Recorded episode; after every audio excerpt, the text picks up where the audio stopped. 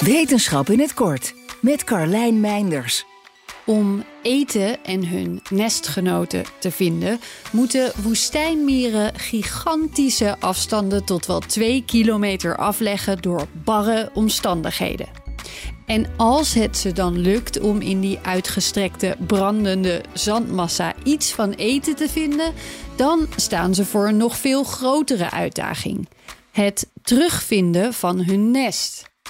Eén specifieke miersoort die leeft in de zoutvelden van Tunesië trok de aandacht van onderzoekers vanwege zijn indrukwekkende navigatieskills. Deze mier past verschillende tactieken toe om in extreme omstandigheden snel de weg terug te kunnen vinden naar het nest. Een intern kompas dat de zon gebruikt helpt ze samen met een interne stappenteller bepalen waar ze zijn. Wat ze ook hebben ontwikkeld is de vaardigheid om elementen in het landschap te gebruiken om hun weg terug te vinden. Maar wat als die er niet zijn? Het viel op dat de nesten van deze mieren, wanneer er geen begroeiing of heuveltjes in de buurt zijn, bij de ingang een verhoging hebben.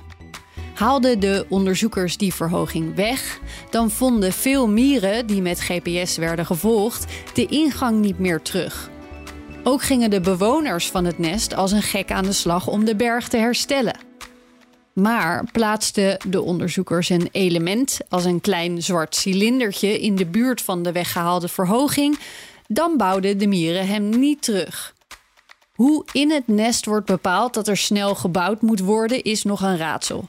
Wellicht merken de nestbewoners dat er minder mieren terugkomen en is dat de cue om aan de slag te gaan.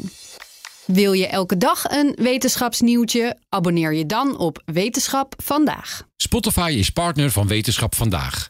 Luister Wetenschap vandaag terug in al je favoriete podcast-apps. Hey ondernemer, zorg voor een sterke financiële basis en meer omzet door je facturatie, debiteurenbeheer of incasso uit te besteden aan de Nova Groep.